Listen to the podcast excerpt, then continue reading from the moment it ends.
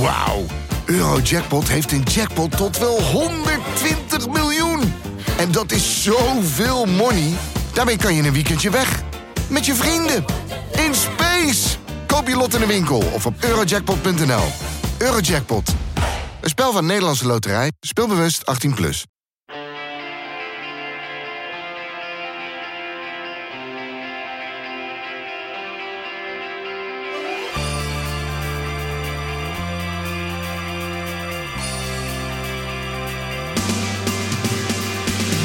Welkom bij Poki, een podcast over kunstmatige intelligentie. Waarin wij, Wietse Hagen en Alexander Klupping, je bijpraten over de wonderenwereld van AI.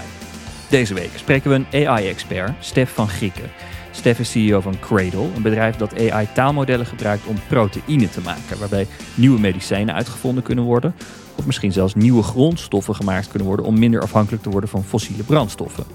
Een fascinerend bedrijf, maar niet het onderwerp van deze podcast. Als je er meer over wil weten, dan raad ik je aan om de podcast met Nerds om tafel van deze week te luisteren.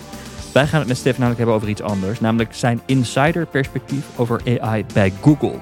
Daar heeft hij namelijk jaren gezeten. Stef hielp onder andere mee om chips te ontwikkelen die Google gebruikt voor AI-toepassingen. Hij legt uit waarom Google haar eigen AI-chips maakt en hoe die chips werken. En hij schetst een aantal grappige momenten, bijvoorbeeld de verbazing bij Google intern dat de wereld zo verbaasd reageerde op de introductie van ChatGPT. Immers, Google kon zelf ook al heel veel op dat vlak en dacht dat iedereen wel doorhad dat dat zo was. En hij belandt in een debat met Wietse over de gevaren van AI en wat journalisten, overheden en bedrijven meer zouden moeten doen om de maatschappelijke impact van AI in goede banen te leiden. En we eindigen met een voorspelling hoe ons leven er over vijf jaar uit zal zien.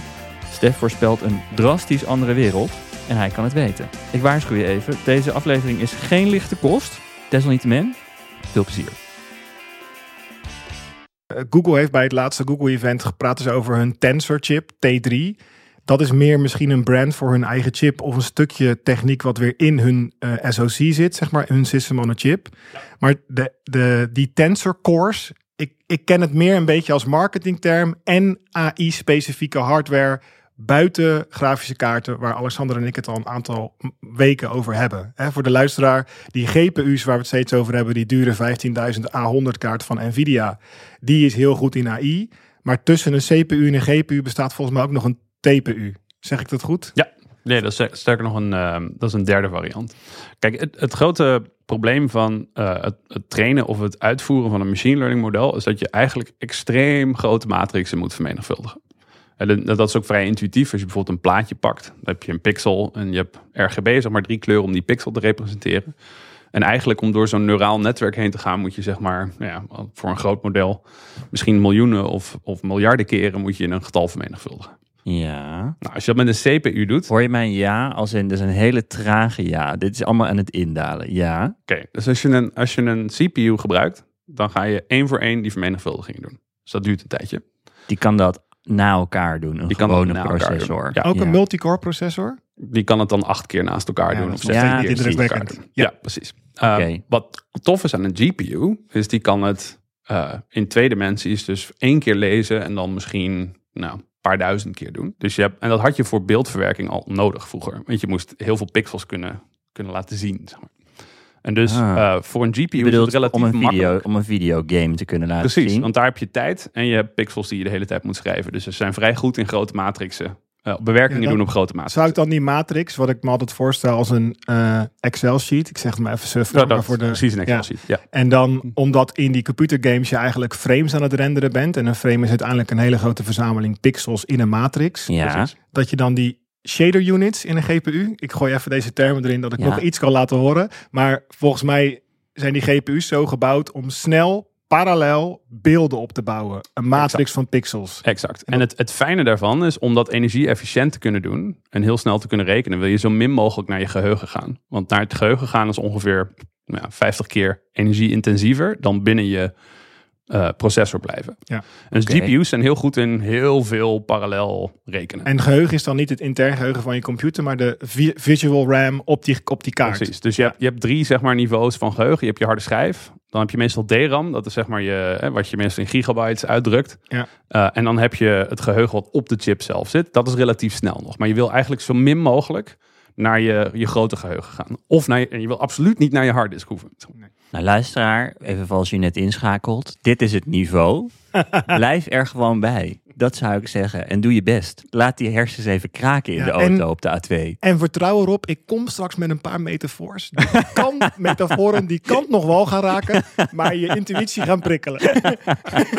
Goed, oké. dus we hebben het dan- verschil nu tussen CPU's en GPU's. Videokaarten en ouderwetse processoren. En dan die ga ik je- vroeger met pasta aan mijn Intel Pentium vastplakte. Aan een, aan een cooling fan. Exact. Ja, Ja, ik ben er nog steeds. Dan ga je naar TPU's. En wat TPU's doen is nog een iets ander trucje. Waar staat dat voor? Tensor Processing Unit. Dus eigenlijk is het, het, het, eh, het nadeel van een GPU...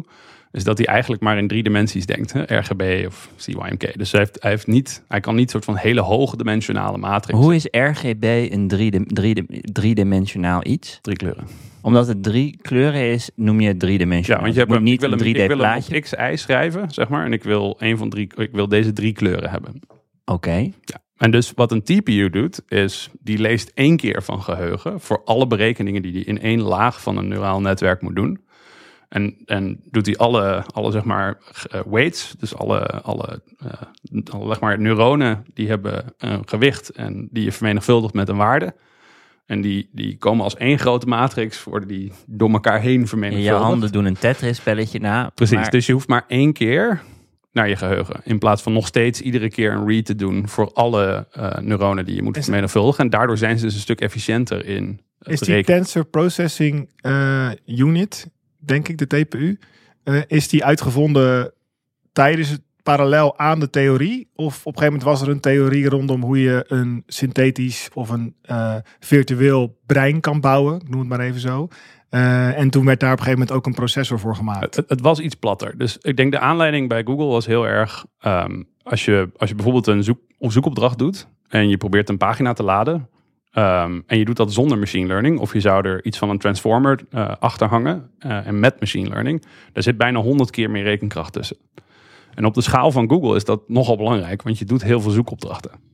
En dus de, de wens van Google was... hey, we hebben hardware nodig... die een stuk efficiënter is in dat werk doen... Want ze gebruikten daarvoor GPU's. Ja, of, of gewoon CPU's. Of, Oh, of in sommige gevallen was het gewoon onmogelijk om bepaalde machine learning modellen überhaupt te gebruiken, eh, omdat die rekencapaciteit er niet was. En is dat dan om resultaten te personaliseren? Of is dat gewoon om een om, om gewoon je zoekt ergens op en dat resultaat te kunnen ophalen? En dat, dat heeft niet eens met eh, personalisatie te maken. Personalisatie is een onderdeel van, maar ook gewoon je kan, je kan veel eh, specifiekere en betere antwoorden. Hè? Dus we hebben bijvoorbeeld Google Web Answers, dus waar ze direct een antwoord proberen te Ja. geven op de vraag. Ja, Dat is niet alleen maar proberen keywords te matchen. Dan moet je echt begrijpen wat iemand vraagt. Ja. En dus daar zit een neuraal netwerk achter om dat te doen. Ja. Uh, en dus dat is een veel intensievere, uh, intensievere query dan, dan als je dat normaal gewoon een, een lookup zou doen en alleen maar blauwe linkjes krijgt. En over wanneer praten we nu ongeveer? Want ik weet, ik heb ooit al een keer eh, geroepen in de, in de show dat er een beetje het beeld is ontstaan. Wauw, kijk, OpenAI en Google is helemaal taken aback. En die hebben geen idee wat hier allemaal gebeurt. En dat beeld klopt in mijn ogen gewoon niet met wat ik heb gezien dat er aan research vanuit Google is. En het merendeel van de fundamentele uitvindingen in de theorie van AI komen volgens mij bij Google vandaan. Of merendeels misschien maar veel. Of DeepMind. Ja. Ja, of DeepMind, wat inmiddels onderdeel van Google is. Dus wanneer eh, die, die, die noodzaak voor betere hardware die meer eh, ja, op maat is voor deze eh, ehm, ja, taal, ja, nog niet taalmodellen, laten we dat woord Dit nog waren nog ja, RNN's. zo. Precies. Ja. En eh, recurring neural networks. Ehm, en dat helpt de luisteraar denk ik nog steeds niet. En mij ook Nou, niet. we Maar weten in ieder geval waar RNN voor staat. Ja, cool hè? Ja, simpler machine learning model. Oké, top. In de, precies, een soort eh, versie 1 in de evolutie van of iets, zeg maar. En, eh, Ja, een GPT 0.5. Ja. Ja, nice. Denk, nee, maar dat is wel lekker om een beetje een beeld te hebben. Dus, en, eh, maar wanneer was dit ongeveer in de tijd, zeg maar, Uh, geschiedenis? dat was ongeveer 6,5, 6,5, 7 jaar geleden. En zij zei, en het idee van we gaan met GPU's aan de gang, dat had, want dat had, had- was ook een optie geweest, toch? Je kan ook zeggen van joh, dan gooi je er gewoon heel veel GPU-power tegenaan en die TPU slaan we eh, over. Ja, zeker. Maar, maar er zijn natuurlijk twee dingen die je wil doen. Dus aan de ene kant wil je modellen trainen. Uh, en dat kost natuurlijk heel veel computatie, maar dat doe je maar één keer. Zeg maar. Dus als je bijvoorbeeld een nieuwe Google Translate versie wil maken, dan train je dat model op alle vertalingsinformatie die je hebt. En dan, dan krijg je een betere variant. En dat doe je op GPU's. Dat kun je op GPU's doen, maar dat doe je één keer. Als je gaat serven, dus als je die, die, die vertaalresultaten aan mensen gaat laten zien, dat moet je natuurlijk een stuk vaker doen. Want dat is iets wat een heleboel mensen gaan zien. Mhm.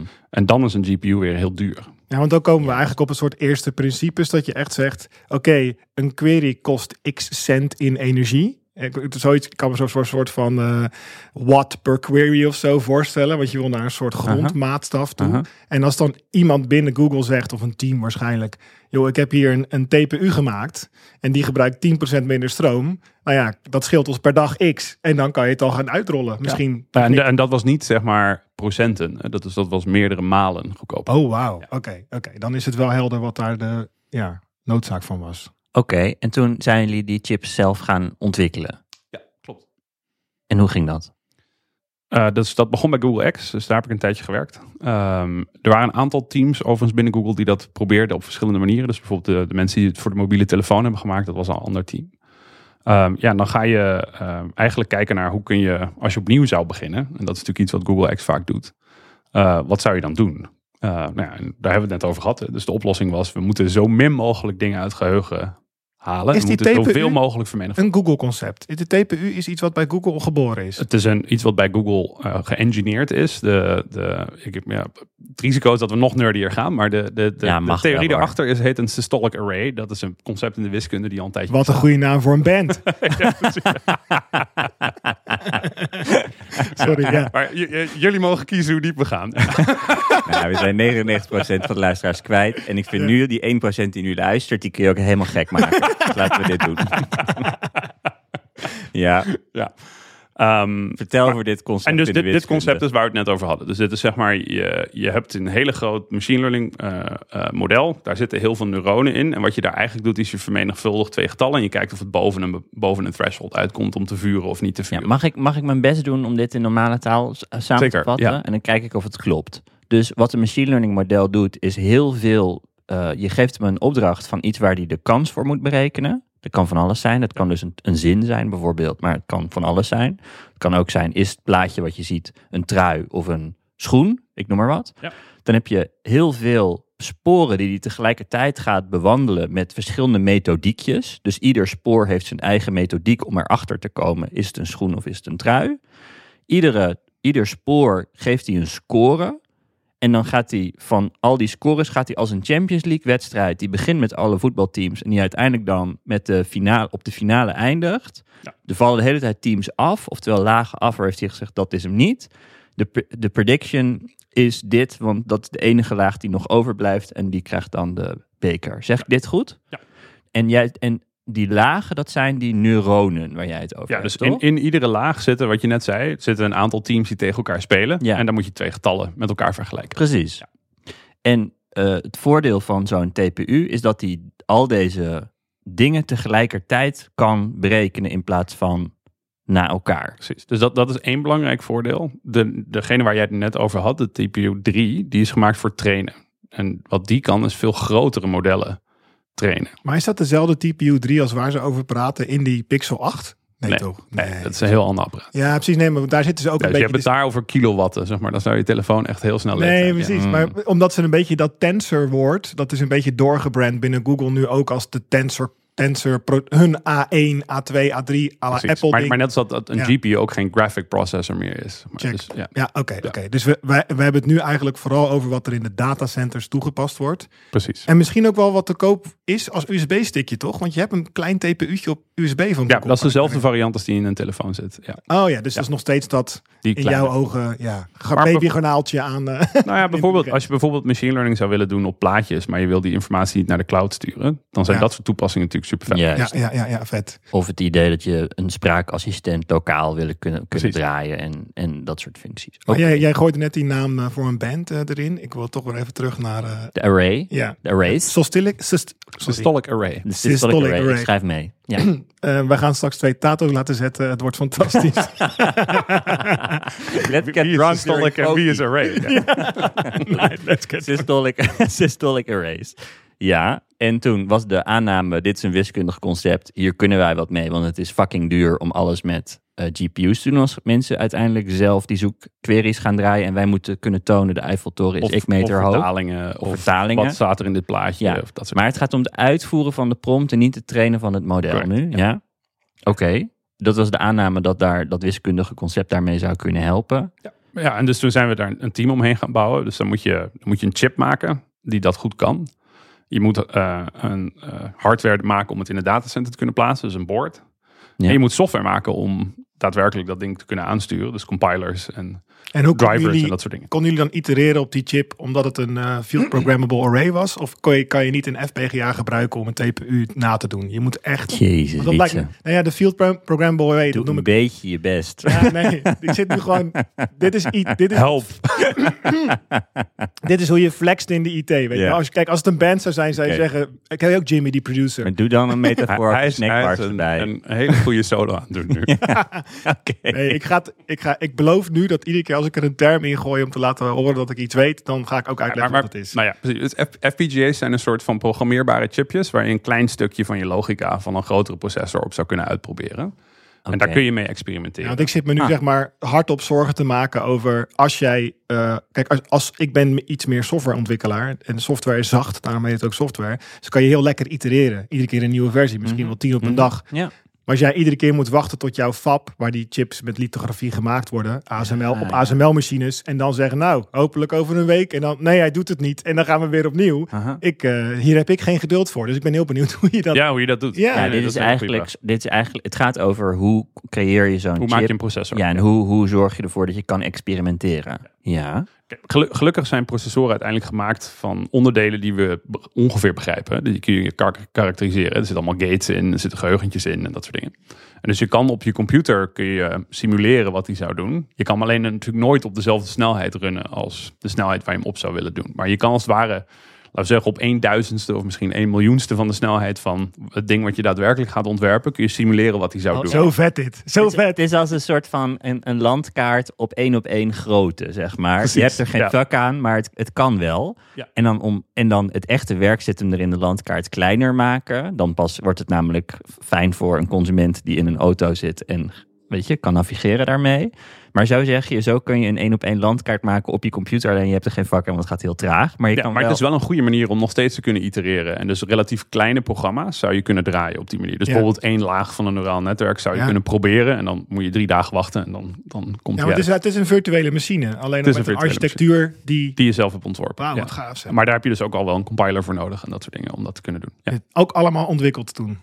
Ja. ja. En, En wat dan- was jouw rol, dus- rol, rol daar dan? Uh, ik zat aan de productkant, dus het was heel erg uitvogelen waar gaan die machine learning modellen naartoe. Hè, Want toen was het allemaal CNN's, dus eh, modellen waar je plaatjes heel goed mee kon doen. Het was voor een deel LSTM's, dus dat waren eigenlijk een beetje de voorlopers op de, op de transformer. Zeg maar, dit is GPT, hè, de T in GPT is transformer-achtige modellen. Uh, en dus ik sprak toen al met mensen die bezig waren met zeg maar, de eerste transformers. En die zeiden van ja, weet je, over drie jaar, als dat ding er eindelijk is, dan gaan we dit soort dingen ermee doen. Dus je zei, eh, we waren bezig, ik zat bij product en we waren bezig om te, om te bekijken waar het heen ging met die modellen. Aan de ene kant plaatjes maken, aan de andere kant transformers om taalmodellen te kunnen maken. Dat we dadelijk op die transformers ingaan.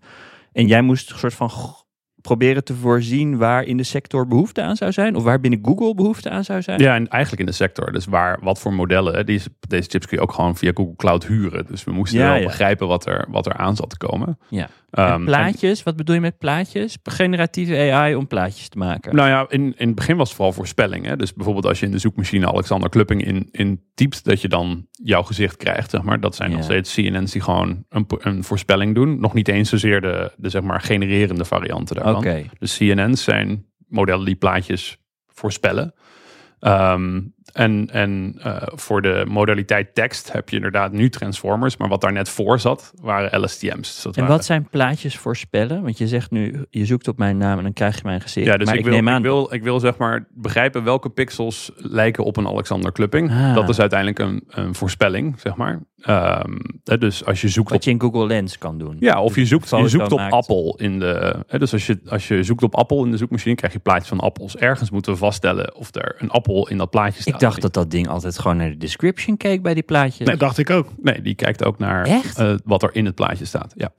Ja, en, toen, en, en, inmiddels waarschijnlijk op Transformer gebaseerde architectuur? Of zit er nog heel veel legacy? ik ben inmiddels drie jaar weg bij Ja, Google. je dus weet ik weet niet. wat ze Ja. exact nu gebruiken. nee, maar duidelijk. maar, Nee, maar eh, want- ik vermoed van wel. Ja. Wat ik, wat ik meteen nieuwsgierig was, is dan dus dat idee van die eh, Transformers eh, die we nu kennen uit eh, GPT. Hè, Leg waar, even uit wat een transformer is, want dit is het moment daarvoor. Ja, dus een, een transformer is een machine learning model die heel goed is in problemen, in taalproblemen voornamelijk oplossen. Waarin je een bepaalde inputsequentie hebt, dus bijvoorbeeld een vraag. En een outputsequentie, bijvoorbeeld een antwoord. Maar het kan ook iets anders zijn. Het kan uh, een grote labtekst in en een kleinere labtekst uit, zeg maar, een samenvatting. Ja, of, of, in het geval van jouw bedrijf, een DNA-sequentie in en een andere DNA-sequentie uit. Dit zijn allemaal de, de grote categorieën, noemen we de ML-mensen sequence-to-sequence problems. Zeg maar. Sequence-to-sequence problems, dat is wat als ik ChatGPT ja. gebruik, dat is altijd hoe ik precies, erover denk. Ja. Uh, Google, Google Translate is precies hetzelfde probleem. Dus, uh, en dit is ook waar ze voornamelijk vandaan kwamen. Dus die, de meeste innovatie kwam uit menselijke taal. En het is heel makkelijk om te vergelijken of de vertaling klopt of niet. Mm. En was het in die koffieautomaatgesprekken waarin werd gezegd over drie jaar hebben we dit nodig, dus misschien moet er alvast hardware voor komen. Ook al mensen in die gesprekken die zeiden: wacht maar, die transformer-modellen gaan nog veel meer kunnen en het wordt. Absoluut. Ik was ook een beetje verrast, eerlijk gezegd, dat toen zeg maar GPT uitkwam, dat iedereen in zo'n wow-moment had. Ik dacht maar, wacht even, we hebben dit toch al jaren. Oh, wat maar. grappig. ja, wij dachten dat wij in een bubbel zitten, Alexander. dit is een bubbel in een bubbel, man. Maar ja, vertel, hier, ja. vertel hier eens over, want dit is uh, een beetje het alfa-deel van het gesprek. Maar uh, hoe, hoe, hoe, kwam, hoe, hoe, hoe ging dit inderdaad bij de koffieautomaat? Nou ja, dus, dus een van de problemen was dat bijvoorbeeld in Google Translate de vertalingen nog steeds niet heel goed waren. Uh, Dus bijvoorbeeld Engels naar Duits was vrij aardig en Spaans naar Engels en dat soort dingen. Maar voor heel veel talen, bedoel, jullie zullen vijf jaar geleden eh, Google Translate ook wel eens gebruikt hebben. Voor Nederlands was het gewoon niet heel goed. Nee. En dat kwam ook omdat eigenlijk bijna voor ieder taalpaar hadden ze alweer een ander model. En dat was allemaal een soort van houtje-touwtje dingen inge, ingeklust. Op een gegeven moment was er de, de realisatie, wacht even, er zijn, er zijn twee dingen die we niet doen met die LSTM's. Het eerste is, we kijken eigenlijk alleen maar vooruit. Dus je kan die LSTM's alleen maar dat is, in, is tijdvariant. Dus je kijkt naar woord, wat komt er na dat woord, wat komt er na dat woord, wat komt er na dat woord. Dat was wel tekstpredictie. Ja, er was al voorspelling, alleen je kon niet terugkijken. Dus je kon niet kijken, oh, een woord wat ik later genereer, uh, relateert dat nog terug aan okay. een woord wat daarvoor oh, zat. Bijvoorbeeld, woord. bijvoorbeeld Alexander Klupping is een slager. Je kon niet van slager teruggaan en dan corrigeren. Wacht even, oh nee, wacht even, dat klopt helemaal niet. Want dat, dat, dat, die, die relatie bestaat Grappig. Alzheimer, okay. Alzheimer. Ik bedoel, even heel gek. Maar dat, hij, nee, misschien is het een zware term. Maar er, er zat er geen geheugen in. Dus hij gaat het weer. Nou ja, hij, hij kon niet, kon niet uh, hij, kon, hij kon niet terug, inderdaad. Mm. Dus dat is het eerste, uh, het de eerste innovatie. De tweede was, dat noemen ze attention. En dus uh, hij kon niet aandacht geven en snappen hoe bepaalde concepten met elkaar gerelateerd zijn. Dus, dus de manier waarop je eigenlijk een transformer traint, is je pakt een zin en net als op de basisschool ga je woorden weghalen. En dan ga je kijken welk woord vult hij in. Dus als het is Alexander is een podcast host, dan krijgt hij punten. Als het is Alexander is een slager, krijgt hij geen Juist. punten. Als je dat doet voor alle zinnen op het internet en je houdt steeds meer woorden weg, krijg je in principe GPT. Dat is een beetje Juist. Ja, ja, te simpel gechargeerd, maar daar Ja, komt het wel op neer. Want het is, je kan steeds langere vragen en steeds langere antwoorden krijg je. En met vertaling werkt natuurlijk precies hetzelfde. Dus, ehm, ehm, maar wat de tweede inzicht was is dat woorden kunnen over hele lange afstand een relatie met elkaar hebben. Bijvoorbeeld in mijn geval, Stefan Grieken heeft aan de Rijksuniversiteit Groningen gestudeerd. Er is een hele, hele sterke relatie tussen Rijksuniversiteit en Groningen. Zullen we gewoon afspreken dat jij je introductie alsnog doet door zelf constant in de voorbeelden jezelf in te weven met je back backstory? Is Ja, dat een leuk. idee? Dat is helemaal Ja, mooi. Want Ja. nu weten we waar je gestudeerd hebt. Ja, precies. Oké, top. Maar dus die twee hebben een grote relatie. Maar een aantal andere woorden in de zin hebben een veel minder sterke relatie. Ja. En dus je kan, je kan je voorstellen dat je een soort van aandacht kan hebben. Oké, deze aantal dingen die horen vaak bij elkaar. En dus die moet je ook bij elkaar groeperen. Ja. Dat noemen we attention. En dat was de tweede grote innovatie die erin zat. En dat kan natuurlijk over hele lange afstanden. Je kan ergens later in, de, in een, een verhaal ook weer beginnen over iets waar je drie zinnen geleden over aan het spreken was. Maar is het dan een soort database die gewoon zegt deze woorden horen bij elkaar met de factor x? Is dat wat attention dan is in feite? Of Ja, ze, ze noemen het de, de embedding, zeg maar. Maar inderdaad, je hebt dus een relatie. Er is een waarschijnlijkheid dat een aantal concepten aan elkaar gerelateerd zijn in een zin. dit is embedding in de zin van dat je eh, Embedding is eigenlijk gewoon wat heeft het, wat heeft het model geleerd en hoe representeert het dat. Dus in het geval van, eh, van een plaatjesmodel is een embedding space mensen, microfoons, lampen. Zeg maar, ja, het is als het ware alsof je de, de, de even denken, de, de, je, je bent de hele tijd labels op dingen aan het plakken en je zegt eigenlijk hou het binnen de categorie kleren, dan is het makkelijker voor dingen om te Ja, voorspellen. en attention is eigenlijk- hoef je niet na te denken over andere type objecten. Precies. En atten- attention is eigenlijk de relatie tussen bepaalde dingen. En dus dus eh, in, die, in die embedding space. Dus bijvoorbeeld kleren en klerenkasten zijn waarschijnlijke dingen die bij elkaar horen. Ja, Ja, Ja. Dicht bij elkaar. maar weet ik veel. eh, kleren en varkens niet. Ja. Om maar iets te noemen. Ja. En, en is het dan zo dat ehm, als ik, wanneer ik een taalmodel download, ik spring even voor, maar ik denk dat dat misschien wel interessant kan zijn. Ik download een taalmodel, 4 gigabyte. Een beetje een crappy taalmodel, een van de open source modellen, maar ik kan er een beetje tegen kletsen. Eh, stel dat ik die zou uitpakken. Dat kan niet, hè, want het is geen zip-file, maar eh, bear with me, zeg maar. Dus ik ga, ik dubbelklik, ik verander de extensie naar zip, ik dubbelklik en hij pakt uit. Ik heb allemaal mapjes. Wat zit er dan in? In de, in, wat is het belangrijkste wat erin zit? Wat moet ik er echt niet uithalen dat hij niet meer doet? Ja, dus je hebt, je hebt een, eh, laten we zeggen, een stukje programmatuur. Dat is de graaf, zeg maar. Dus dat is de definitie van de, de ontwikkelaar van het machine learning model over hoe het model zichzelf moet uitvoeren. En er is een soort van database. En ja, daarin staan de relaties tussen ehm, ja, verschillende concepten die het model geleerd heeft. En je kan bijvoorbeeld een model hebben wat je niet getraind hebt. Je kan een ChatGPT die niet getraind is hebben, maar daar komt de hele tijd exact hetzelfde uit, zeg maar. En pas als je hem een heleboel data hebt laten zien, kan die onderscheid maken tussen verschillende concepten. Ja, want dan heeft, en dat trainen is dan het woorden weghalen en dan laten gokken welk woord er stond. En dan dat je Ja, achteraf precies. hebt gezegd, dit was wel goed, dit was niet goed. Dus zo hebben we jou... Ja, of, of het voor- voorbeeld bij plaatjes is, ehm, ik heb een, een miljoen plaatjes. Eh, laten we zeggen, eh, de helft zijn van Alexander, zeg maar, en de andere helft niet. Aha. Ehm, en dan, dan zit er een label op met is Alexander, is geen Alexander. En wat je doet is je gaat er steeds meer doorheen gooien. En op een gegeven moment weet hij te differentiëren tussen de Alexander-achtige pixels en de niet-Alexander pixel. Ah. Maar dat moet wel gelabeld zijn dan. Maar dat moet gelabeld zijn. Ja, en wat je ja. dan doet is, daarna kun je kijken naar alle plaatjes die we nog niet gezien hebben in de training, waar een Alexander in voorkomt. Ja. Die kunnen we dan ineens Maar vinden. hoe hebben ze GPT kunnen trainen op al die boeken en publieke data en Wikipedia? Want dat was En- toch en dat niet is ook gelabeld? veel van het. Nou, het is gelabeld. Dat is het leuke. Het is unsupervised, zeg maar. Dus je kan gewoon zinnen erin gooien. Ja, je bedoelt het is labeled doordat je de context van de Reddit, van de Reddit thread weet. Ja, je, weet, gewoon de andere tekst in de Reddit-thread. En je weet de, de, de, het verhaal in het boek. Of je weet het artikel dat door de journalist is geschreven. En die dingen, ja, Ja, daar kan je gewoon op trainen. precies. Ja. Ja, ja, ja, ja, ja. ja. We zitten allebei even... Zitten jullie naar mij aan te Ja, kijken? nu, nu kom je... Nu kom... Dan moet ik een verduidelijkende vraag stellen. ja, we zijn niet metaforen, Alexander. Maar als je, als je nu in één zin zou moeten zeggen wat een transformer... Niet, dat is flauw misschien in één zin. Maar als je, als je, als je moet, zou moeten beschrijven wat is een transformer... dan is dat... Eh, machine learning model wat van een input sequentie, dus een vraag of een, iets wat je wil vertalen, naar een output kan. Zoals een antwoord of een vertaling. Of, Maar is GPT-4 dan een transformer model? ja, letterlijk de Right. laatste T staat voor transformer. Ja. Ja, je ziet- Kijk aan. Want, ja, precies. Ja, want de... Wat was het? Een General Predictive Transformer? Of ik weet eigenlijk niet. Wat, waar stond het Ik ook weet weer ook niet voor? meer exact wat Nou het ja, is. maakt ook niet Oh, en, zoveel uit. en er zitten nog een aantal dingen. en Dus wat wel grappig is, is dat het is een beetje vroeg voor mijn gevoel. Voor GPT nog steeds. Omdat die modellen. En dus de reden dat ze bijvoorbeeld ook vaak liegen.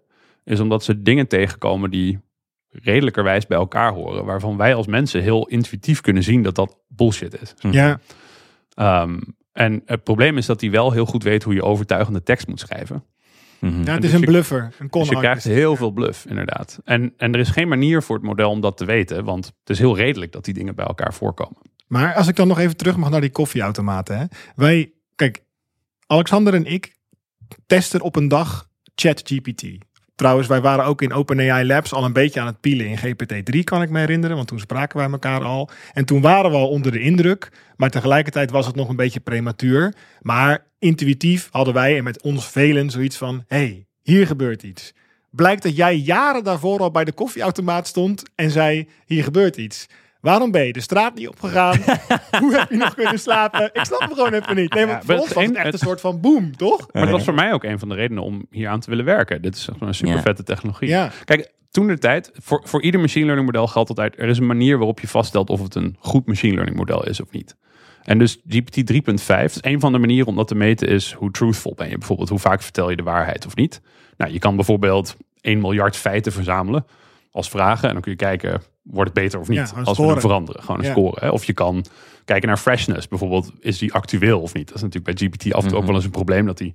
Dat Oude zit. Ik heb informatie. geen idee wat er in de laatste de drie maanden is gebeurd. knowledge is- cut dat is off. Problematisch, zeg maar. Mhm. Ja, ja. Ehm, en zo zijn er, eh, zo- eh, dus freshness noemen ze dat vaker. Dus er zijn veel van dit soort manieren waarop je kan vaststellen, is dit een goed model of niet? Ja, ja. Het belangrijkste metric voor mij is truthfulness. En 3.5 was volgens mij iets van 60% truthful.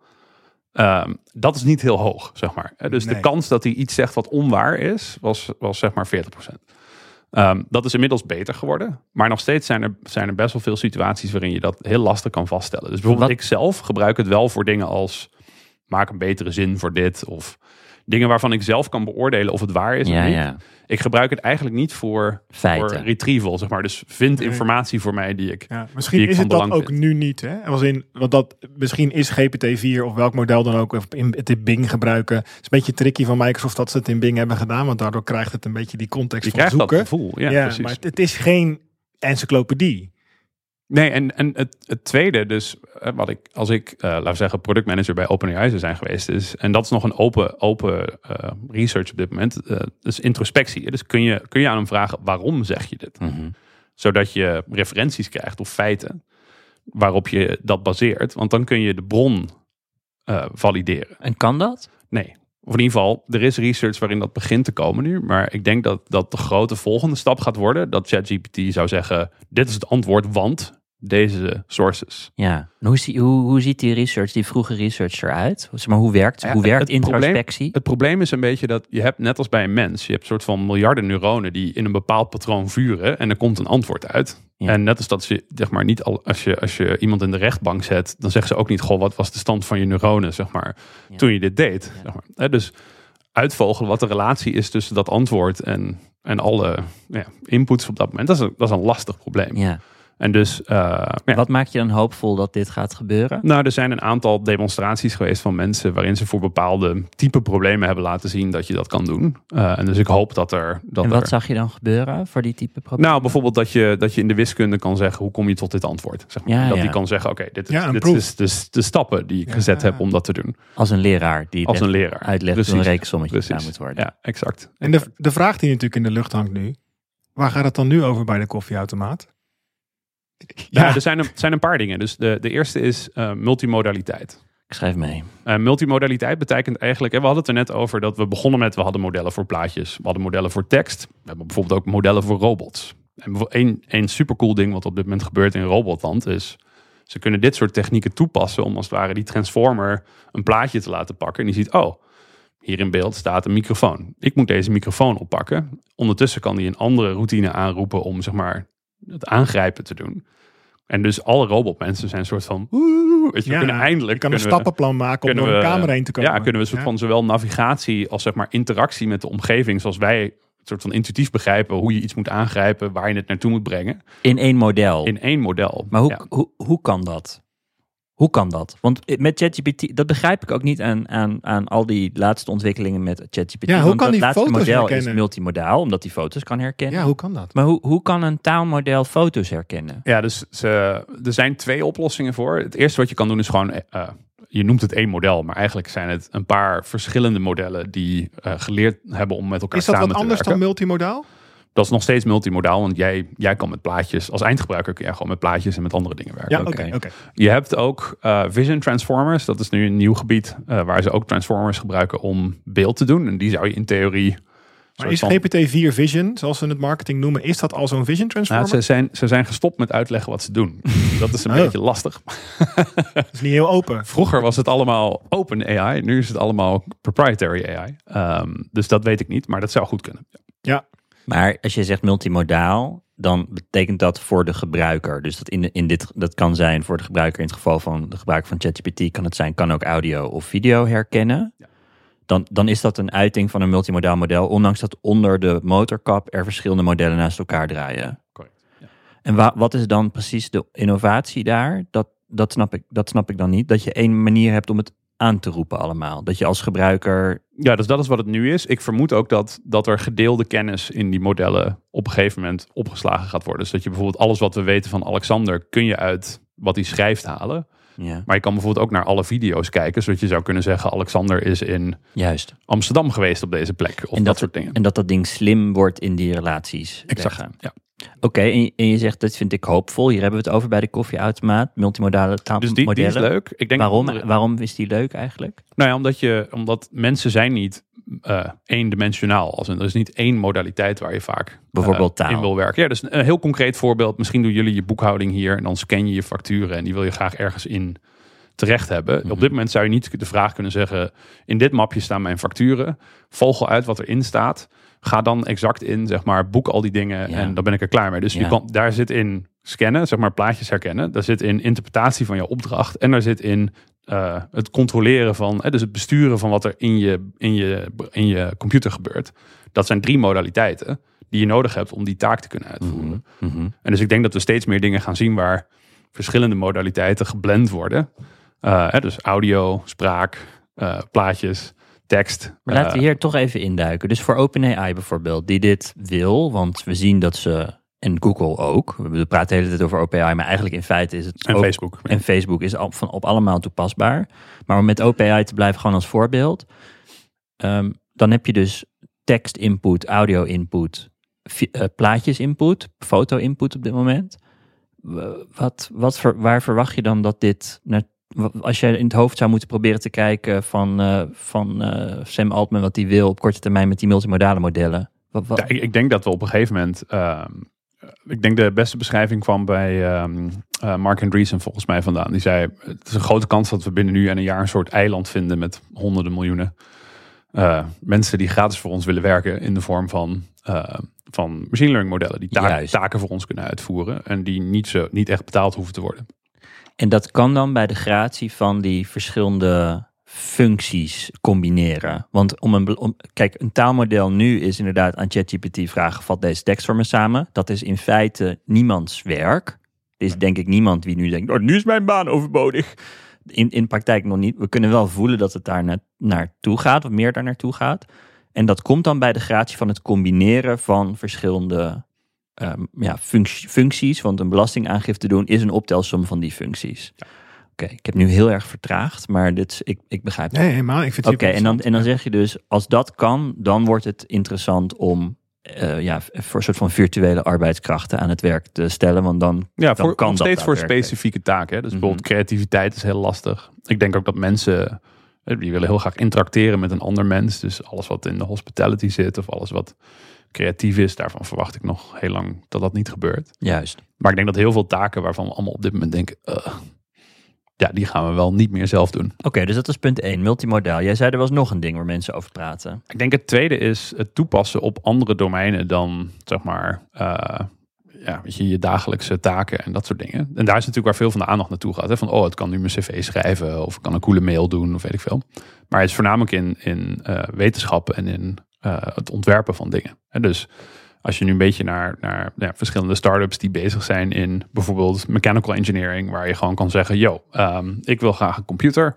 Die moet ongeveer zo'n chip hebben. Die moet ongeveer dit kunnen doen. Eh, en die zeg maar, ontwerpt dan in 3D hoe dat ding eruit zou moeten zien.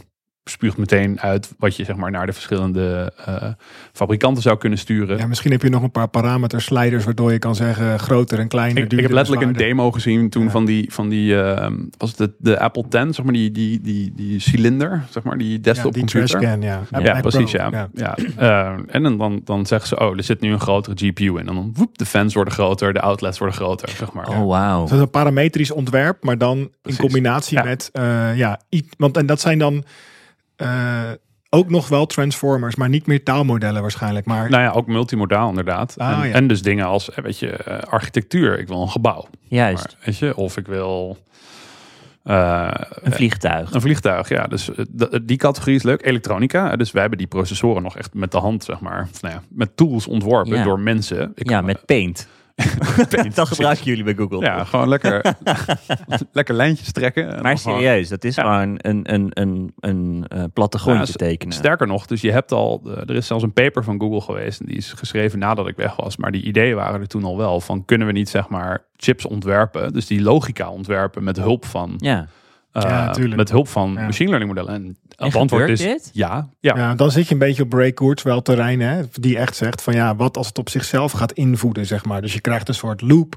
Ja, al moet ik, al moet ik heel eerlijk zeggen, dat, dat, die kant, dat is ook een beetje wel, het is ook een beetje Europees, heel eerlijk gezegd. Maar het, het, wat ik altijd heel grappig vind, is deze vraag krijg ik vaak gesteld als ML-persoon. Van, goh, ben je niet bang dat die op zichzelf gaat voeden en dan ineens de wereld Ja? Dat soort runaway, dingen. runaway Maar dus, dus wat je daarmee zegt is, hey Stef, jij bent in staat om een superhuman intelligence te bouwen, maar je bent echt te dom om een uitknop te maken, zeg maar. Weet je? En dat, dat is natuurlijk een beetje raar. Nou, ik denk, misschien sluit deze vraag hier wel mooi op aan, is dat ik ben ook wel benieuwd. Kijk, Alexander en ik, ik praat ook even voor Alexander, hebben niet de fundamentele kennis om, om dit echt te begrijpen. Want wij, daarom stellen we zoveel vragen, toch? Over AI en wat is een transformer en wat, zijn, wat is de wiskunde. Daardoor is het voor ons ook moeilijk om goed in te schatten ja, hoe, hoe legitiem is die hype, et cetera. Wat, volgens mij schatten we dat in door te kijken hoe we het zelf voelen als we ermee werken, wat we om ons heen zien gebeuren, hoe het waarde toevoegt in de Ja, maar, samenleving. maar, maar, dat is, maar dat is niet waar de discussie nu over gaat. De discussie gaat hierover. De discussie gaat niet over, hè, waar we het bijvoorbeeld over zouden kunnen hebben, bias. Hè. Die, die modellen kopiëren al onze, we zijn racistisch, we zijn vervelend naar elkaar en dat soort dingen. Mhm. En wat doen we daaraan? Nou, dat is, ja, dat is present, zeg maar. Dat is een probleem wat we nu hebben. Ja. Nu, jij, jij bedoelt de, die, die soort van toekomstangst over een eh, Skynet overschaduwt en neemt heel veel aandacht weg bij de daadwerkelijke problemen Ja, en uitdagingen die we, die we nu hebben. over Ja. wat vinden we wel en niet En- acceptabel met dit soort Ja, want ik denk dat waar ik dan benieuwd naar ben in jouw geval, en ik denk dat het ook goed is om over een aantal van die punten te praten waar we dan wel over zouden moeten discussiëren, is ik ben nog even benieuwd of, ehm, kijk, jij zei net, ik was eigenlijk wel verbaasd om, om wat er allemaal gebeurde in, ja, ik parafraseer even, maar in de samenleving of in de, in de scene van, oh wauw, wat, wat is er nu? Terwijl jij denkt, nou, ik ben hier al een tijdje mee bezig, zo, zo verbaasd ben ik niet. Is het dan ook, hoe legitiem is de hype? Misschien, ik, weet, ik, weet, ik kan hem niet mooier stellen, deze vraag, maar klopt, Nou ja. het, klopt het met wat er, de aandacht, klopt het een beetje?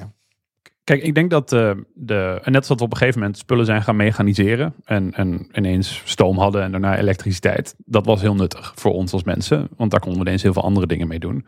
Wat we nu aan doen zijn is dingen cognificeren. We zijn cognitieve taken aan het automatiseren met computers. Ik denk dat dat heel waardevol kan zijn. Ik denk dat dat een enorme impact kan hebben. Maar ik denk ook dat we heel erg aan het begin daarvan staan nog. Ehm, en eh, ja, de, de, dat gezegd hebbende, er is ook knetterveel hype. Hè? Dus, dus er zijn heel veel mensen die, die ja, dingen roepen waarvan ik denk dat gaat wel heel ver. En ik denk niet dat we daar nu al zijn. Dus dat is die bijvoorbeeld- general intelligence en dat soort zaken. ja, dus ik denk niet dat we nu heel dicht bij general intelligence zijn. En als we er dichterbij komen, dan gaan we dat zien. Het is niet alsof dat ineens soort van ontstaat. Er was, was een fantastisch XKCD-stripje van een aantal jaar geleden... waarin dan Google ineens sentient wordt, weet je wel, in Mountain View. En, en, en zie je de soort van de skyline. En dan is het the moment Google becomes sentient. Oeh, this is an interesting internet, zeg maar. There's so many things to do here. En dan... Weet je, en dan the moment it discovers YouPorn of zoiets. En dan, eh, oké, I'm just gonna go to this corner, zeg maar. Maar dus die hele aanname dat er, dat er machine learning modellen gaan ontstaan... die zich dan ineens als een soort van terminators gaan gedragen... terwijl wij nog steeds... Die dingen zitten in datacenters ergens. Die zitten gewoon fysiek staan die ergens. Mhm. Het is niet alsof die ineens embodied zijn... en een soort van het datacenter uitlopen.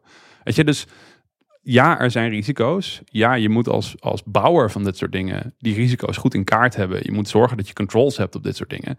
Maar we zijn echt nog vrij ver verwijderd van dat punt waar, waar ze ineens wakker worden en de wereld gaan overnemen. Ik denk dat dat, dat vrij Ben overdreven je gerustgesteld, Wietse? Wietse is namelijk heel bang. Nou ja, ik, ik, maak, ik heb wel zorgen, maar niet, niet per se zo op die. Ehm, op een maandagochtend klikt er ergens iets aan en dan is er iets sentient of zo. Want volgens mij is dat gewoon een, een, een, ja, hoe noem je dat? Een gradient of een spectrum. En we moeten nog maar eens zien of we daar. We hebben nog niet eens definities voor mensen. Dus eh, om, om te zeggen, of misschien ben ik niet eens sentient. Dus ik denk, mijn zorg zit hem denk ik meer in. ehm, dat het wel moeilijk is om dit soort systemen, dit soort processen te anticiperen. Om echt goede voorspellingen te kunnen doen. Ik denk dat. ehm, kijk, bij mij zullen geen goede voorspellingen vandaan komen per se. Omdat ik dus niet op die eh, drie, vier lagen dieper zit van de fundamentele technologie. Daarom vind ik het ook super gaaf dat je hier vandaag bent. En dat Alexander en ik eh, zoveel vragen aan je kunnen stellen eh, in dit, hoe noem je dat, fire, fireside gesprek. Ehm, maar ik ben, ik ben wel benieuwd, wat jij net zei, vond ik wel mooi, om, om die, eh, ja, laten we zeggen, die angst een beetje te structureren of iets zinvoller te maken dan. Want die angst is intuïtief bij mij. Ik, ik, ik denk het gaat snel, eh, er gebeurt een hoop en het is, het is disruptief op de samenleving. En eh, ik denk dat mijn, ehm, hoe zeg je dat, ja, these is, onder al mijn denken zit het idee dat er een eh, redelijk menselijk tempo is. En dat wij niet een onbeperkt wezen zijn. Dus we, we zitten op een bepaald tempo. En dat, met dat tempo bedoel ik een, een tempo van onze gedachten, een tempo van ons lichaam. En die kunnen we, die, dat lichaam kunnen versnellen door in een vliegtuig te gaan zitten met 900 km per uur. En die, die cognitie kunnen we versnellen door allemaal augmentation. Eh, machines, eh, de elektrische fiets voor de geest eh, is dan nu de, de, het cogni. Ik, jij zei net voor mij de term zelfs cognificeren. Of heb ik Mhm. fantastisch. Ehm, dus mijn zorg zit daar dat ik denk dat op een bepaalde manier is het oude wijn nieuwe zakken, de volgende revolutie, wiel, vuur, of dat is het vuurwiel waarschijnlijk, elektriciteit. Ik ben gechargeerd. En daar is dan nu een volgende eh, revolutie. En er zit een soort van, ja, er zit een soort van bang in, hè? een soort release blank, zo woep, GPT. Voor jou niet, maar voor Alexander en mij wel. En dan op een gegeven moment gaat dat landen, embedden, zeg maar, in die samenleving. En dan vinden we het met elkaar wel weer uit. Ik zeg het bijna. bijna Nou, en en dat, dat is ook hoe ik er wel over denk hoor. Dus als, je, als we teruggaan naar het internet en social bijvoorbeeld. Weet je, de, de, de, ik kan me nog gesprekken herinneren toen, wij, toen ik nog studeerde en ik Kijk jou leerde aan. kennen. Ja. Ehm, hè, dat, we, dat we zoiets hadden van, oh vet, weet je, al die, die dat Facebook, dan gaan we zeg maar de eh, Arabische revolutie en mensen gaan het allemaal gebruiken voor goed en dat soort dingen. En toen was het ineens, een jaar later was het, oh shit, we kunnen het ook gebruiken in verkiezingen in West-Europa en, en, en allerlei eh, ontwrichtende Ja. gesprekken op gang brengen in samenlevingen en oeps. Weet je. En, on- onvoorziene eh, effect. ja, exact. Maar die, niemand zag die effecten toen ook. Het ging in het begin heel erg over hè, wat, zijn de, wat zijn alle eh, ja, mogelijke eh, soort van coole manieren waarop mensen over de hele wereld met elkaar verbonden gaan worden. Ik denk dat hier, er zijn waarschijnlijk een aantal dingen die we nu correct hebben en risico's die we, die we ja, zien en waar we op moeten acteren. Ehm, en er zijn waarschijnlijk dingen die we nu helemaal overschatten en die eigenlijk best prima zijn. Laten we het over die risico's hebben. Want je noemde al bias. Je hebt de Ja, hallucinaties genoemd. Ja, dus truthfulness dus is iets eerlijk en bias is de tweede. Dus het kopieert, omdat het uiteindelijk getraind is op alle dingen die wij zeggen, Ja. houdt het ons een spiegel voor. Ja. En het, het laat ons precies zien hoe wij met elkaar omgaan en praten. Ehm, en het punt alleen is dat heel veel mensen en ook commentatoren, die vinden dat niet leuk om te zien. En dus moeten we daar correctie. eh Hoe bedoel je, vindt het niet leuk om te ja, we zien? vinden het niet leuk als een machine learning model tegen iemand scheldt. Of, Ah, zo. Ja, precies. of, nee, of, het is eh, evident onwenselijk. Ja, het is evident onwenselijk. Ja, exact. En ik denk dat die spiegel waar jij het over hebt en de wij waar je over spreekt ook wel te maken heeft met die hele bubs aan eh, data. Hè, van Reddit tot en met Wikipedia tot en met eh, publieke domeinboeken. Eh, ja, die hele bubs aan data waarop getraind wordt, hè, die, die, die, die, die genoeg structuur bevat zodat je daar zinvol, zinvolle eh, netwerken uit kunt laten ontstaan. Dan is het ook weer zo, ja, waar kwam die dataset vandaan? Want zoals het inderdaad het hele Engelstalig sprekende internet was, dan krijg je de bias mee van iedereen die Engels spreekt. Maar als je hem had getraind op eh, alle tekst die in India aanwezig is. En, en, wat, dit hè. zijn, en dit zijn hele fundamentele vragen Ja. die je uiteindelijk echt als samenleving moet oplossen. Dus als jij, als jij zegt als Nederlanders, wij willen graag een lekkere kaas-GPT, zeg maar, weet je, die gewoon lekker verhollandiseerd is. Dat vinden we belangrijk. Dat is een keuze, dat kun je doen. Hè? Dat is dat bijvoorbeeld mensen, hè, dat is niet waar ik achter sta, maar mensen in Saudi-Arabië zeggen, wij willen geen plaatjes op het internet van vrouwen. Ja. Eh, eh, Maar wat zou een kaas GPT, hoe zou dat zijn? je, je zou prima tegen, Grote- tegen OpenAI kunnen zeggen: we willen gewoon dat je alleen maar fine-tuned op het Nederlandse corpus, zeg maar. Dus dat je, dat je Nederlandse taal prioritoriseert boven, boven andere talen. Juist. Dan krijgt het hele volk een spiegel voor. Nou Toch? ja, of je dat leuk vindt, daar kunnen we dan een gesprek over hebben. Maar inderdaad, ja. Maar dus, het maar, uiteindelijk zijn dit systemen die je kan ontwerpen. Hè? Dus, Ja. dus bijvoorbeeld, eh, toen een aantal jaar geleden werd mij ook wel eens de vraag gesteld: Oh, als een zelfrijdende auto mag kiezen tussen A en B, wat moet het dan doen? Mhm. Bad Mhm. computer. En Mhm. mijn antwoord daarop was: Ik ben een programmeur. Vertel jij het maar. Mhm. Je kan kiezen, zeg maar. We kunnen dit beide maken. Hij kan het oude vrouwtje overrijden. Hij kan ook. Ja, jij zegt dit is een democratisch probleem in plaats Dit is van een democratisch probleem. Uiteindelijk gaat dit over wat willen wij Ja. en, en welke regels zetten we daaromheen. Maar om het over bias te hebben, wat, want wat zie, wat zie jij als voorbeelden die problematisch zijn met betrekking tot bias, die anders zijn dan wat veel genoemd is? Zoals eh, racisme, eh, zoals inderdaad eh, sommige, sommige eh, teksten zijn duidelijk te west, heel erg westers georiënteerd en daarmee negeert het een heel groot deel van de wereld. Wat vind jij biases om serieus te nemen? Ik, ik denk zeker waar bijvoorbeeld eh, dit soort technologie toegepast gaat worden om beslissingen te nemen. Dus stel je voor, je bent een grote verzekeraar en, en je gaat besluiten, we hebben nu GPT, mag jij een verzekering ja of nee? En Mhm. die gaat lekker het internet Ja. afkijken naar alle dingen die je getweet hebt en zo. En op basis daarvan besluiten, rij je een beetje lekker en dat soort dingen. Ja. Ehm, het zou bijvoorbeeld heel fijn zijn om te weten of dat gebeurt of niet.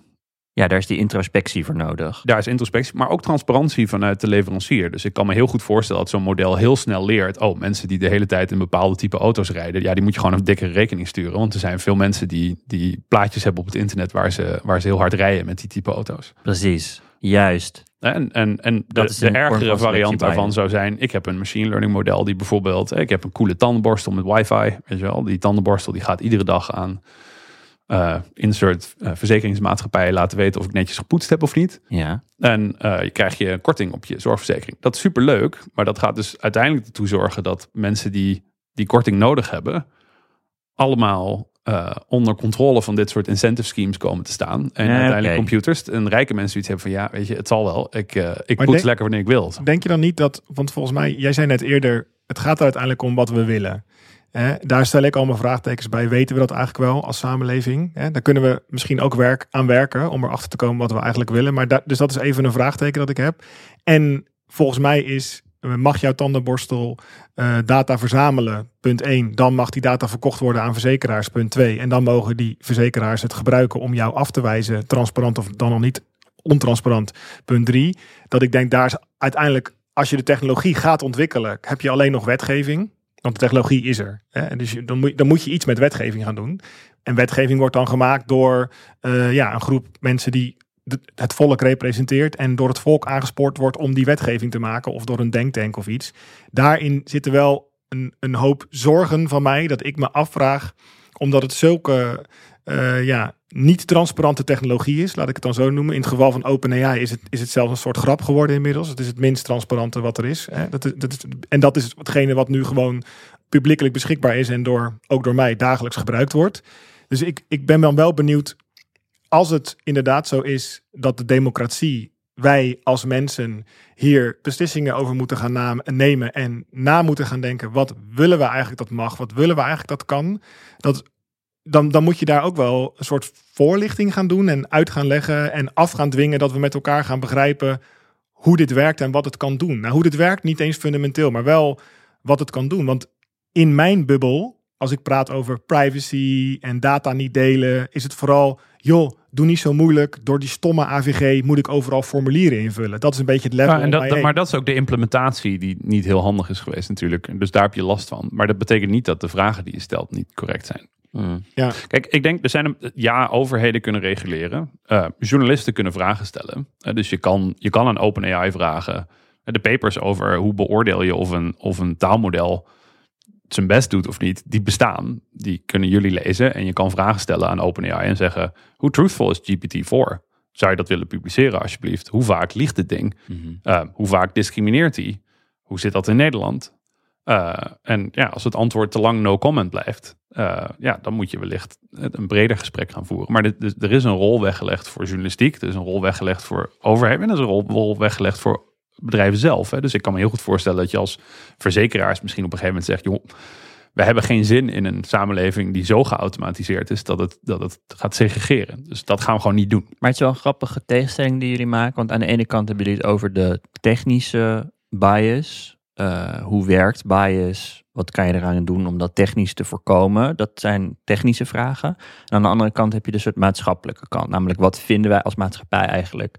Wat de regels zouden moeten zijn waar die die AI-bedrijven ja, Of kleinere groeperingen. Dus ik zit in de biotechnologie en we hebben hele duidelijke afspraken met elkaar gemaakt over welke dingen je wel en niet gaat doen in de biotechnologie. zelfregulatie. Exact, ja. ja. Als, nee, okay. En dat kun je doen. Ja. Dat geeft jou misschien ook wel je, in mijn ogen dan, terechte. Of in ieder geval, ik snap jouw intuïtie dat je zegt, dit kunnen wij. Of ik, ik leg het even woorden in je mond hoor. Maar dat je zegt, joh, we, ja, nee, we, dat wil ik er even bij zeggen, want dit zei je niet. Maar dat ik het idee heb hoe je overkomt dat je zegt, nou, ik, ik zie wel mogelijkheden om dit uh, met elkaar. In de, ja, je noemde net de drie, de, de drie pijlers en er zijn nog wel meer. De, de, de politiek, de journalistiek en de bedrijven zelf of organisaties zelf. En die hebben allemaal verantwoordelijkheden en die moeten allemaal elkaar een beetje in uh, balans ja, dus houden. Ik, ik, zou iedere industrie bijvoorbeeld in Nederland die werkt met dit soort modellen oproepen, maak een, een, een set of guidelines of een code of ja. ethics over wat vind je belangrijk voor dit soort dingen. Maar, ja. maar ik denk dus dat in die biologie, dat daar een door de mensen die in die industrie werken, of in dat werkveld, kan ook academisch zijn, intuïtief, dit is mijn aanname hoor, en dat is wat ik zie, laat ik dan zo zeggen, uh, subjectief, een soort van, ja, natuurlijk moeten we onszelf reguleren. Natuurlijk moeten we hier niet zomaar iets mee doen, want hè, voor het weet heb je iets van contamination of iets anders binnen, binnen die, want die biologie is zo'n venijnig, vloeibaar ding in mijn uh, slechte meta metafoor. Ik vraag me af of, dat, of diezelfde intuïtie ook aanwezig is binnen die meer technologische wereld waarin toch dat idee bestaat, die computer doet alleen maar wat ik wil. Terwijl die biologie doet niet alleen maar wat jij wil. Toch? Vraagteken. Uh, het is absoluut waar dat, dat software veel deterministischer is dan biologie. Absoluut. ik denk ook dat het zo is dat, dat biologie een goed voorbeeld is van een industrie die zichzelf reguleert en, en safety heel erg serieus neemt. Um, ik denk ook dat cultureel Software is natuurlijk veel groter en er zijn veel meer actoren die, die daarin in actief zijn op dit moment. En sommigen nemen daarin hun verantwoordelijkheid wel, anderen niet. Ehm, en ja, dat, dat kun je uitcallen, zeg maar. Maar om een voorbeeld te noemen, dus uh, Google, mijn voormalige werkgever, krijgt vaak uh, zeg maar de wind van voren. Maar als je kijkt naar, naar bijvoorbeeld privacywetgeving, de meeste dingen bestonden al uh, toen, toen GDPR geïntroduceerd werd in de meeste producten van Google, toen de tijd. Als je kijkt naar wat er nu met AI gebeurt, Google had volgens mij vier jaar geleden al guidelines over hoe we dit wel en niet gebruiken. Mhm. Niet in militaire dingen. Mhm. Weet je? En dus de, de, ik denk de kunst is ook heel erg vinden wie, wie zijn degenen die niet dat gesprek aangaan. En die uh, nou ja, uh, misschien onbewust dingen doen die niet de bedoeling zijn. Of die we misschien onwenselijk zijn. Daar het gesprek over aangaan. En misschien een iets minder adversarial manier ook. Ik, ik heb soms zelf als technoloog wel eens het gevoel gehad van het is altijd ah, lekker een scoop. Weet je wel, ik ga even lekker, lekker prikken, zeg maar. En het is minder... een- Afbreken, journalisten ja, het is, het is veel minder een gesprek, Mhm. zeg maar. En het, het stomme hiervan is, het is uiteindelijk gewoon engineering. Hè? Dus we kunnen die dingen maken en we kunnen ze dingen laten doen en niet doen. Ja. En daar kun je gesprek over hebben. Maar we en hebben het nu over bias. Ik ga proberen toch structuur in aan te brengen, Wietse. We hebben het over bias. eh, en dan hebben we het nu over de technische kant en de maatschappelijke kant. We zijn nu de, de maatschappelijke kant ingedoken. En dan heb je het over bijvoorbeeld journalisten. Wat zou je journalisten ad- adviseren of vragen? Wat zou jouw wens zijn? Voor... Ik zou, ik zou veel meer de diepte ingaan. Dus eerst eens vaststellen wat zijn nou een beetje de thema's die belangrijk zijn. Dus binnen die bias, er zijn heel veel verschillende papers geschreven over wat zijn de verschillende risico's die aan de huidige generatie machine learning modellen vastzitten. Als je een beetje desk research doet, dan kom je daar echt.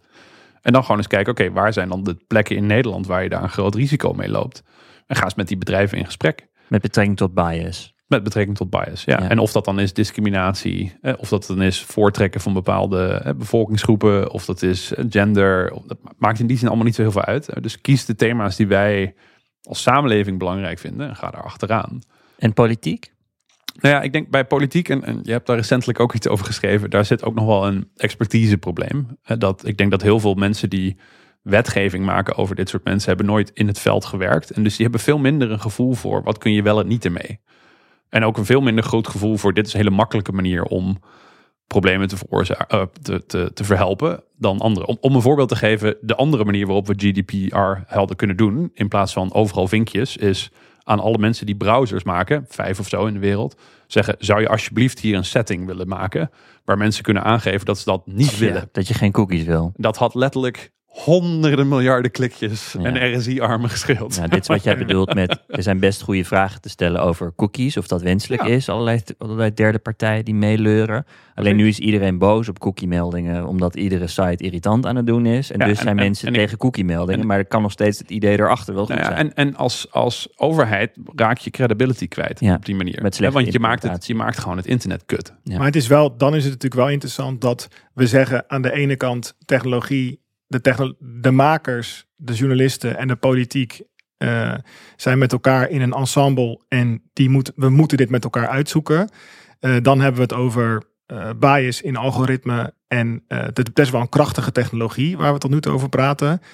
Tegelijk vertellen we nu dat het ons niet eens gelukt is in dat ensemble om ervoor te zorgen dat er een setting is voor een cookie wall tot de dag van vandaag. Mhm. Dat geeft me dan wat minder vertrouwen in wat we met elkaar kunnen. En dan kan je zeggen, de browsermakers eh, in hun W3C, eh, in hun consortium, willen al heel lang dat vinkje toevoegen. Het is de politiek die het tegenhoudt. Ik, ik twijfel, ik, ben, ik weet het niet. Ik ben benieuwd wat daar misgegaan is tussen de communicatie, tussen de, de, de wetgever eh, en de makers en de makers van de, van de browsers. Dus ik vind dat juist een voorbeeld van hoe het Mhm. nog niet gelukt is, juist Ja. om die samenwerking goed te doen. wat betreft die cookie wall. Ik wil ook nog even toevoegen dat, en dat is, want dat is wel nieuwer, denk ik. Is ja, dat net Alexander over Wietse is bang of er is angst. Ik heb een angst bij gekregen, en dat klinkt misschien negatief, maar dat is eigenlijk niet per se negatief. Is dat, ehm, weet je wat ik, ik had het net over dat te- menselijke tempo, dat we een bepaald inherent tempo hebben. En mijn zorg daarbij is dus dat, dat dit op zo'n tempo gaat, die technologie buiten ons.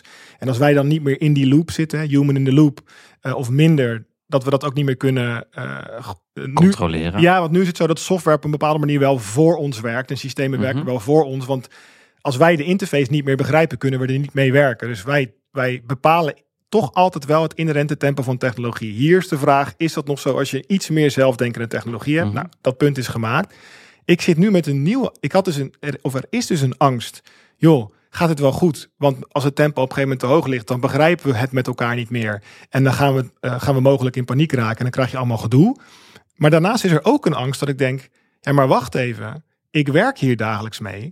Het voegt best wel heel veel toe aan mijn leven. Ik lees heel veel verhalen van mensen die, nou, of Alexander en ik kunnen niet goed schrijven en dankzij deze taalmodellen kunnen we ineens schrijven. Ik zie superveel upside. Echt wel, ik zie echt mooie Maar, maar, maar dat is natuurlijk iedere technologie. Hè? Dus dus Nou ja, de, die- de leukste, je bent ook filosoof zeg maar, maar Ja. deze discussie is ooit over het schrift ook gevoerd in Ja. het oude Egypte. Van moeten we dat wel hebben? Want alle, alle normale mensen kunnen ineens hun mening uiten en dat delen met elkaar en zo. En dus iedere, iedere technologie komt in golven. Daar is niet zo heel veel aan te doen. En het is voornamelijk hoe, hoe, hoe organiseer je het proces van de landing. Hè? Dus net, net als toen het internet ontstond. Ik weet nog wel dat ik mijn eerste dial-up modem van mijn pa kreeg en, en, eh, en het internet op kon. En dat was echt bizar. Je kon ineens contact hebben met mensen in Ja. Amerika. Nou, weet je, nu, zeg maar, mijn kinderen zouden lachen om dat als opmerking, zeg maar. Ehm, en dat was een enorme disruptie van, van hoe, we, hoe we met informatie en met communicatie omgingen met elkaar. But, we've managed. En Nou ja, ik denk dus wat mijn nieuwe angst is dat we, dat we deze technologie op een bepaalde manier eh, eh, de adoptie minder goed gaat. En dat er heel veel tegenstand komt, waardoor iets wat in potentie ook heel mooi is, juist tegengehouden wordt. Zeg maar, dat snap je. Mijn, mijn andere angst is, je kan zeggen, ik ben er bang voor, want het is een inherent slecht ding. Nou, daar geloof ik sowieso niet in. En dat is een beetje een, een, een slap idee, want alles heeft een duale natuur en alles is goed en slecht tegelijk. Dat is gewoon moeilijk aan dit soort fenomenen, aan alle fenomenen trouwens. En eh, ik zit nu met een nieuwe angst dat ik denk, jeetje, het zou toch jammer zijn als doordat die landing niet goed gemanaged is, er zo'n backlash komt naar deze technologie, dat iets wat zo mooi is, vertraging oploopt of op een bepaalde manier niet goed, niet geïmplementeerd wordt. Mijn gevoel is dat dit, dit zit veel meer op het niveau van implementatie. En mensen zijn vaak heel goed in. eh, Dus, dus laten we zeggen dat, let's say, Facebook zou echt evil worden morgen. En dan stopt iedereen ineens met het gebruiken van Facebook. En hun, in, hun incentive is nog steeds wel gewoon blijven bestaan. Eh, De survival is voor zo'n bedrijf van belang.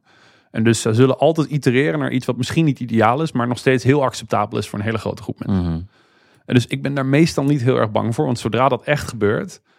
Hè, dus, dus stel je voor dat er een, een serieus probleem zou ontstaan met een machine learning model die iets geks doet. Eh, en dan het eerste wat er gebeurt is dat een heleboel staatshoofden, als dat echt op grote schaal is, zullen roepen: stop ermee.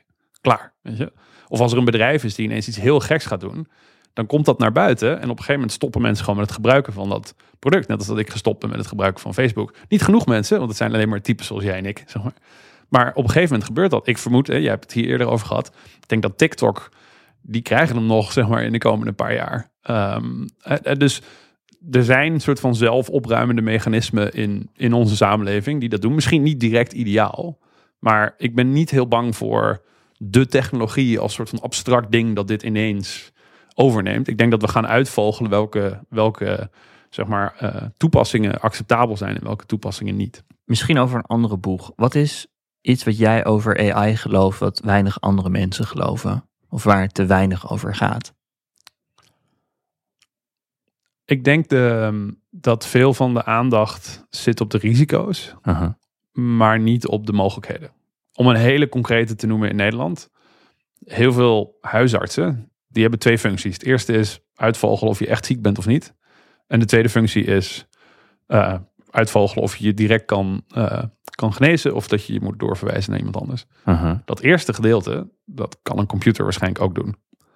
Hè? En als die twijfelt, kan die misschien zeggen, nou, ik ga je toch even naar een, naar een huisarts sturen.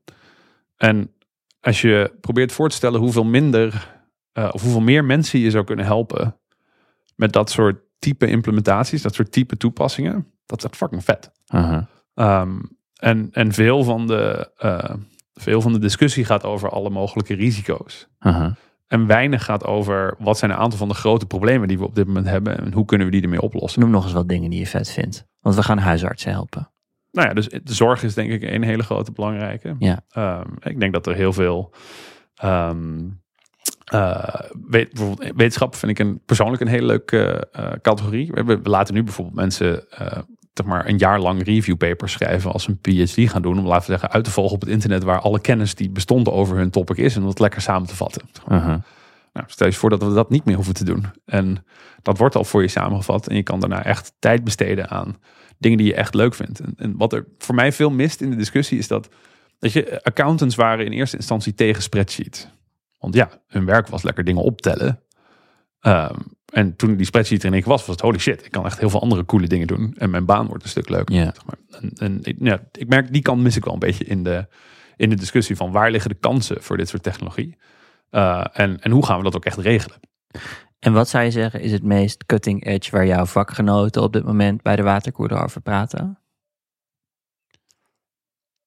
Ja, het meeste zit hem in die multimodaliteit en in nieuwe, nieuwe modaliteiten. Dus hoe kun je chips ontwerpen, hoe kun je mechanische systemen ontwerpen, hoe kun je natuurkunde oplossen, zeg maar. Hoe kun je science doen met dit soort dingen. Wat is science doen met dit soort dingen? Nou Stel je nou eens voor dat ergens, eh, die modellen die hebben iets geleerd over de wereld, maar we kunnen het eigenlijk alleen maar vergelijken met dingen waar wij al van weten dat ze bestaan. En om een voorbeeld te noemen, in, in ons eigen bedrijf werken we in de biologie en we hebben gezien dat die modellen soort van doorhebben dat bepaalde dingen op een bepaalde manier werken in de biologie. Ja, Waarschijnlijk weten ze ook andere dingen die wij niet weten. juist. Hij heeft allemaal correlaties gelegd die helemaal nog niet door wetenschappers zijn ontdekt. Precies. En hoe krijg je die eruit? Dus, dus je zou je kunnen voorstellen dat op een gegeven moment, laten we zeggen, je een theoretisch machine learning model, die heeft alle YouTube-video's gekeken. En die zegt op een gegeven moment: God, het lijkt er toch op dat alles van boven naar beneden valt. Dat is grappig. En dat gebeurt ongeveer met deze snelheid. Er is een gravity constant op aarde, zeg maar. Ja. Hoe denk je dat jouw kinderen, want je hebt kinderen, hoe denk je, wat voor wereld leven die als die jouw leeftijd Ik hebben? denk dat die twee tot drie dagen per week werken, veel plezier hebben. Eh, en voornamelijk meer creatief werk doen, meer complex werk doen. Maar het is grappig, je, bent- je kijkt hier heel serieus bij opeens. Ja, ik denk dat zij echt een leuker leven hebben dan wij. Ja, als we de aarde, zeg maar, kunnen unfucken, als in die staat wel in de fik en dat moeten we wel oplossen. Ik denk dat dat een veel groter probleem is dan, dan, dan technologie die, eh, ja, die zeg maar bepaalde taken van je overneemt. Maar, maar je zegt twee dagen, drie dagen werken in de week. Dat, dat komt dan omdat Omdat we een enorme productiviteitsboost gaan zien in de komende vijf jaar. in de komende vijf jaar. Ja. Wat verwacht je dan?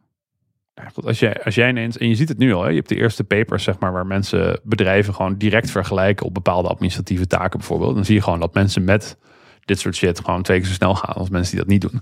Ja. Nou, dat betekent voor ons als samenleving dat er ineens veel meer productiviteit is. En productiviteitsgroei is uiteindelijk goed voor onze welvaart. Oké, dus ze hoeven minder werk te doen. En het werk dat ze dan doen, dat is onderscheidender. Ja, dat is leuker. Ja. Waarom leuker? Ja, omdat dat mensen eh, eigenlijk in, de- in onze hele geschiedenis hebben altijd het werk wat het meest vervelend is als eerste weggehaald. Ja. En ik vermoed dat dat hier ook weer zo gaat gebeuren. Ja. Dus mechanisch werk was niet lachen in een of andere donkere fabriek een beetje, een beetje ergens aan trekken. Dat was niet leuk. Nee. Nou, dat zijn we gaan mechaniseren. En eh, rondrennen was niet leuk. Dus op een gegeven moment zijn we dat gaan mechaniseren. En ik denk dat er heel veel cognitieve taken zijn die niet leuk zijn. Dus die gaan we als eerste automatiseren. En je zegt creatiever, omdat dat gewoon het moeilijkste automatiseren valt? Of Ja, maar ook omdat dat, dat, dat is leuk, zeg maar. Mm. Ik bedoel, dat zie je ook als je kijkt naar de afgelopen paar decades. We zijn gewoon steeds meer vrije tijd gaan hebben. En steeds meer leuke dingen gaan doen. Mijn overgrootvader, die had, zeg maar, die werkte zes dagen per week.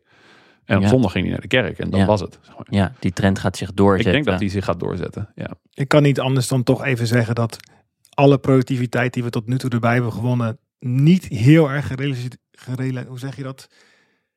Die trend die jij nu beschrijft, als je zegt we gaan van 60 naar 40 uur, als dat de trend is, ala. Maar sinds de spreadsheet werkt merendeel van de wereld 40 uur en meer. dus daar zit, daar zit, ik bedoel, ik zie dat dan nog niet. Dus dat is dan toch weer even mijn. eh, Maar, dat- maar dat ligt wel een beetje aan je tijdschaal. Dus ik denk wel dat het waar is dat de, er is een klein bumpje in de laatste aantal jaar. Omdat er veel meer administratieve taken bij zijn gekomen. Omdat we veel meer met Ja, elkaar ja. communiceren en veel meer informatie uitwisselen. Enter. Ja.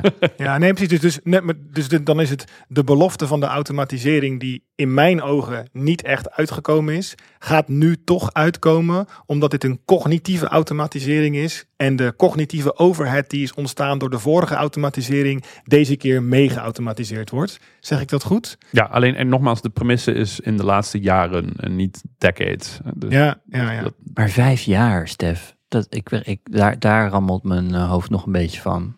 Dit is echt zo korte termijn. ja, dat denk ik wel. Ja. En alle systemen binnen de samenleving zijn gebouwd op de aanname, of niet op die aanname. Dus de, want even voor de luisteraar en ook voor jullie beiden. ik krijg het niet goed onder woorden, maar mijn, mijn enige nuance op het hele verhaal is, want ik kan jou echt goed volgen en er zit een enorme optimist in mij die amper zichtbaar is voor de luisteraar, is ik, ik denk dat ik het heel, een heel groot deel met je eens ben. Ik denk alleen dat simpelweg de enige factor, snelheid en momentum in dit fenomeen, mogelijk voor, in mijn ogen, zeker gaat zorgen voor bijeffecten voor ons grote samenlevings, samenwerkingsproject. Waar ik, daar heb ik me zorgen bij. En ook dat al die mooie dingen die ik echt geloof, want hoe meer ik met deze technologie werk, hoe enthousiaster ik erover word. De optimist in mij wordt, wordt echt wakker. Is dat ik denk, oh, laten we alsjeblieft zorgen dat we het niet verpesten met elkaar. Dat we deze mooie technologie op een bepaalde manier niet kunnen Ik- gebruiken ik- ik omdat het zo'n slechte naam Ik denk krijgt. misschien het, het eh, laten we zeggen, ehm, het verschil tussen, tussen ons, denk ik, is dat ik ga ervan uit dat we een paar dingen gaan verpesten. Niet op een schaal die desastreus is, maar op een schaal die vervelend is. Ehm, en we gaan dat corrigeren. En dat is eigenlijk hoe technologie altijd heeft gewerkt. Het is waarom we nu riemen in auto's hebben. Weet je, wel. het is, Ja. Ja. Wat denk je dat we gaan verpesten?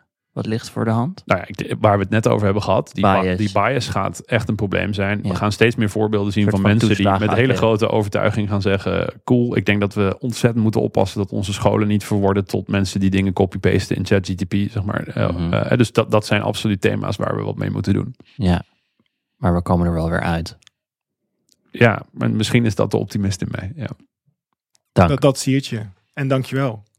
Dank jullie wel. Oh, trouwens, volgende week is er geen aflevering door de herfstvakantie. En de week daarna zijn we er weer wel. Dag.